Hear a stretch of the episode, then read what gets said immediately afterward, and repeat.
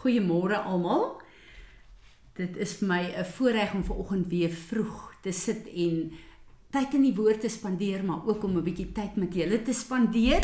En dit is vir my regtig vaar lekker om uh, te weet dat ek nou die potbeans onder die uh, knie gekry het danksy Piet se hulp.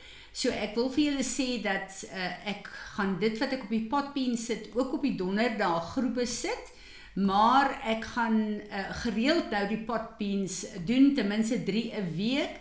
Die van julle wat nuut is wat nog nie deel is van die pot beans nie, ek gaan dit op ons groepe sit. Laai die pot beans app af en dan sal jy elke keer uh, as jy as jy follow, Pires follow, sal jy elke keer 'n uh, 'n uh, uh, op jou foon 'n uh, 'n uh, uh, nuwe episode uh se tyd kry. So hulle sal dit vir jou laat weet en dan kan ons dit op die potbeans luister wat dan ook lekker is as ons dit agterna weer wil gaan luister.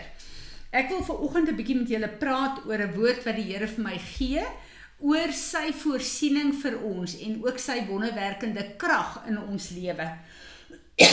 een van die plekke waar die vyand ons graag wil laat fokus is op ons plekke waar ons tekorte het die plekke waar ons staan en kyk vir God se voorsiening.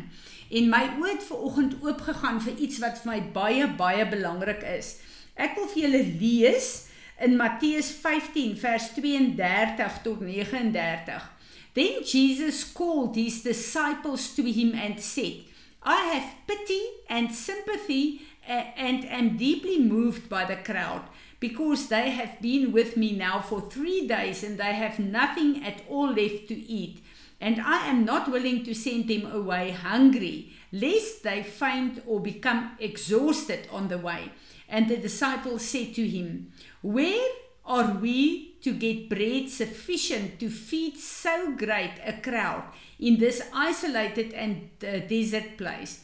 And Jesus asked them, How many loaves of bread do you have? They replied, Seven, and a few small fish.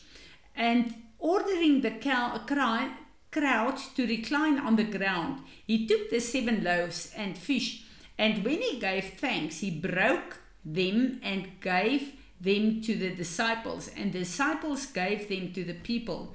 And they all ate and were satisfied and they gathered up seven large provision baskets full of broken pieces that were left over. Those who ate were 4,000 4, men, not including the women and the children. Then he dismissed the crowds, got into the boat, and went into the district of Megadon. As ons bid vir voorsiening, as ons wag vir 'n uh, baie keer 'n wonderwerk om te gebeur, op 'n plek waar die Here met ons stap om homself te bewys as die bron van al ons voorsiening. Dan kom ons op plekke waar jy kyk na wat jy het en jy besef maar ek het net nie genoeg nie. Dit wat ek in my hande het, my inkomste wat ek het, kan nie voorsien in my behoeftes van my en my voor my gesin nie. En uh ons moet weet dat baie keer voordat ons nog bid of vra, weet Jesus wat is ons behoeftes en voorsien hy vir ons.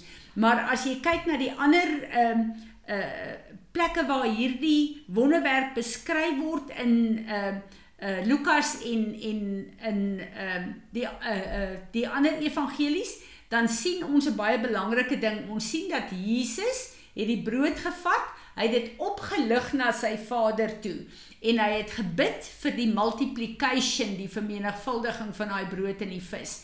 Nou as ons kyk na Genesis 1 waar die Here die mens vir Adam en Eva gesê het, hier is die aarde, hier is alles, heers daaroor, wees vrugbaar en vermenigvuldig. 'n Vrugbaarheid is die vrug wat ek en jy kan voortbring uit die arbeid van ons hande. Vermenigvuldiging is daai plek waar ons dit oplig na God toe en God bring 'n vermenigvuldiging bo-natuurlik vir van dit wat ons nodig het en dit wat ons in ons hande het. So die plek waar ons staan waar ons weet ek het te min. Hierdie goed moet vermenigvuldig. Ek het 'n wonderwerk van God nodig.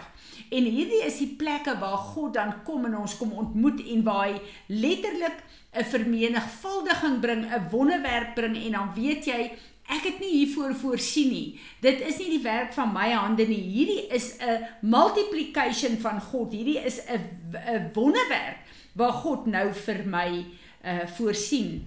En uh dis vir my so belangrik dat ons net 'n paar goed kyk in hierdie gelykenis. Een van hierdie ehm uh, dis nie 'n gelykenis nie, is 'n wonderwerk wat Jesus gedoen het. Een van hierdie plekke is dat hierdie mense is geestelik en emosioneel bedien.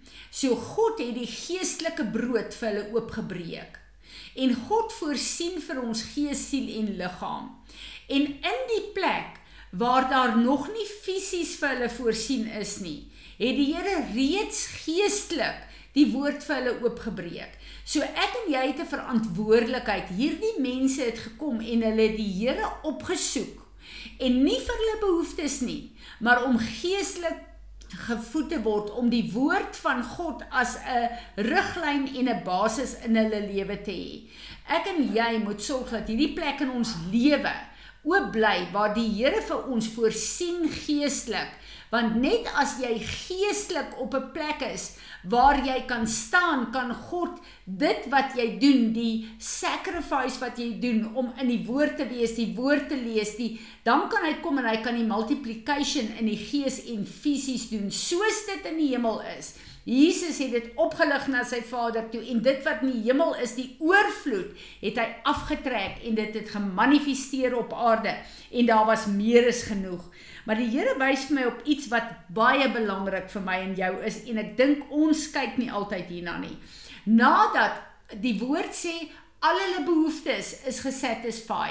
Dit wil sê wanneer God vir jou 'n wonderwerk doen, wanneer God vir jou op 'n nuwe plek van voorsiening bring, dan gee hy vir jou genoeg om al jou behoeftes, al jou gesin se behoeftes te doen. Dit waarvoor jy wag, dit wat jy moet betaal, dit wat jy moet doen, hy voorsien meer as genoeg, sê sy woord. Maar daai meer as genoeg speel 'n baie belangrike plek in my in ons almal se lewe. Ons moet weet ons lewe op 'n aarde wat ons fisies en in die gees saai om 'n oes te kan kry. En hier waar die woord sê daar was 'n uh, 'n uh, mandjies vol oor gewees. En hierdie hierdie uh, plek staan daar seven full baskets wat verwys na God se perfekte voorsiening en se getal. Maar daardie wat oorgebly het is in mandjies gesit. En ek gaan kyk na die Hebreëse betekenis van hierdie mandjies.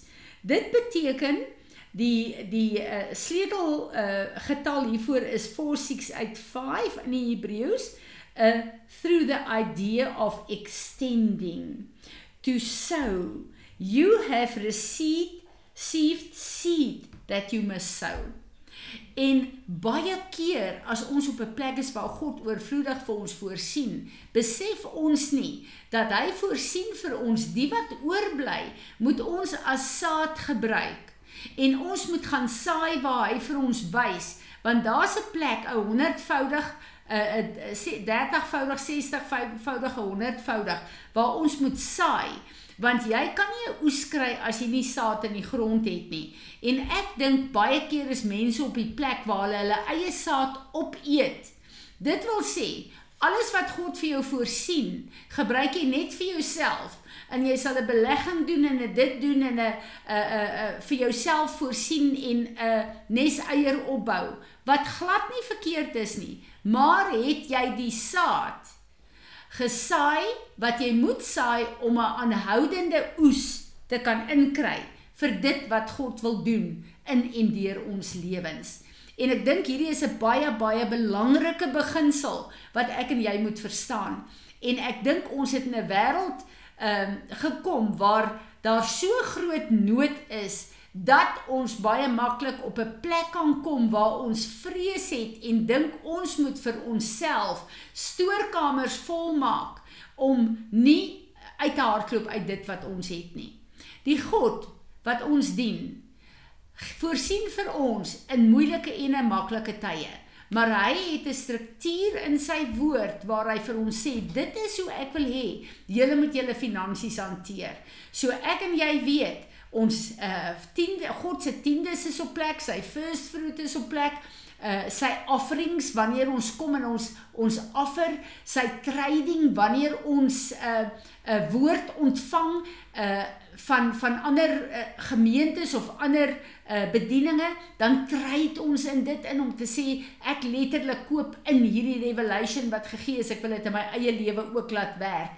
En maar die belangrike plek van saad God wil hê ek en jy moet kyk na saad wat gesaai word, want ek en jy het 'n oes nodig en daarom moet ons vir hom vra, waar is die vrugbare grond? In wie se lewe moet ek saai en watter bediening moet ek saai? Want ek het 'n oes aanhoudend nodig om u koninkryk te bou, maar om ook te voorsien in my behoeftes volgens dit wat u vir my gee. So hierdie Skus julle, ek wil net hierdie ding weer oopmaak. Hierdie is 'n baie belangrike plek en 'n baie belangrike beginsel wat ons op plek moet sit. Ek en jy moet besef dat ons is op 'n plek waar God vir ons voorsien meer as genoeg, maar daai meer as genoeg moet saad uitkom sodat ek en jy aanhoudende oes kan kry. Vader, ons wil vir U dankie sê dat U is 'n God van more than enough dat U vir ons meer as genoeg voorsien. Ek wil vir U baie baie dankie sê daarvoor, Here. En ek wil vra dat U asseblief vir ons sal help om te verstaan dat ons moet 'n uh, oes en dat U vir ons saad gee om te oes so uh, om te saai. So vergewe ons elke plek waar ons ons saad opgeëet het en alles vir onsself gebruik het en kom leer ons hoe om in hierdie nuwe plek te staan van saai en oes sodat u naam verheerlik kan word maar sodat ons ook op 'n plek van oorvloed kan kom as 'n getuienis vir u hier op aarde. Amen.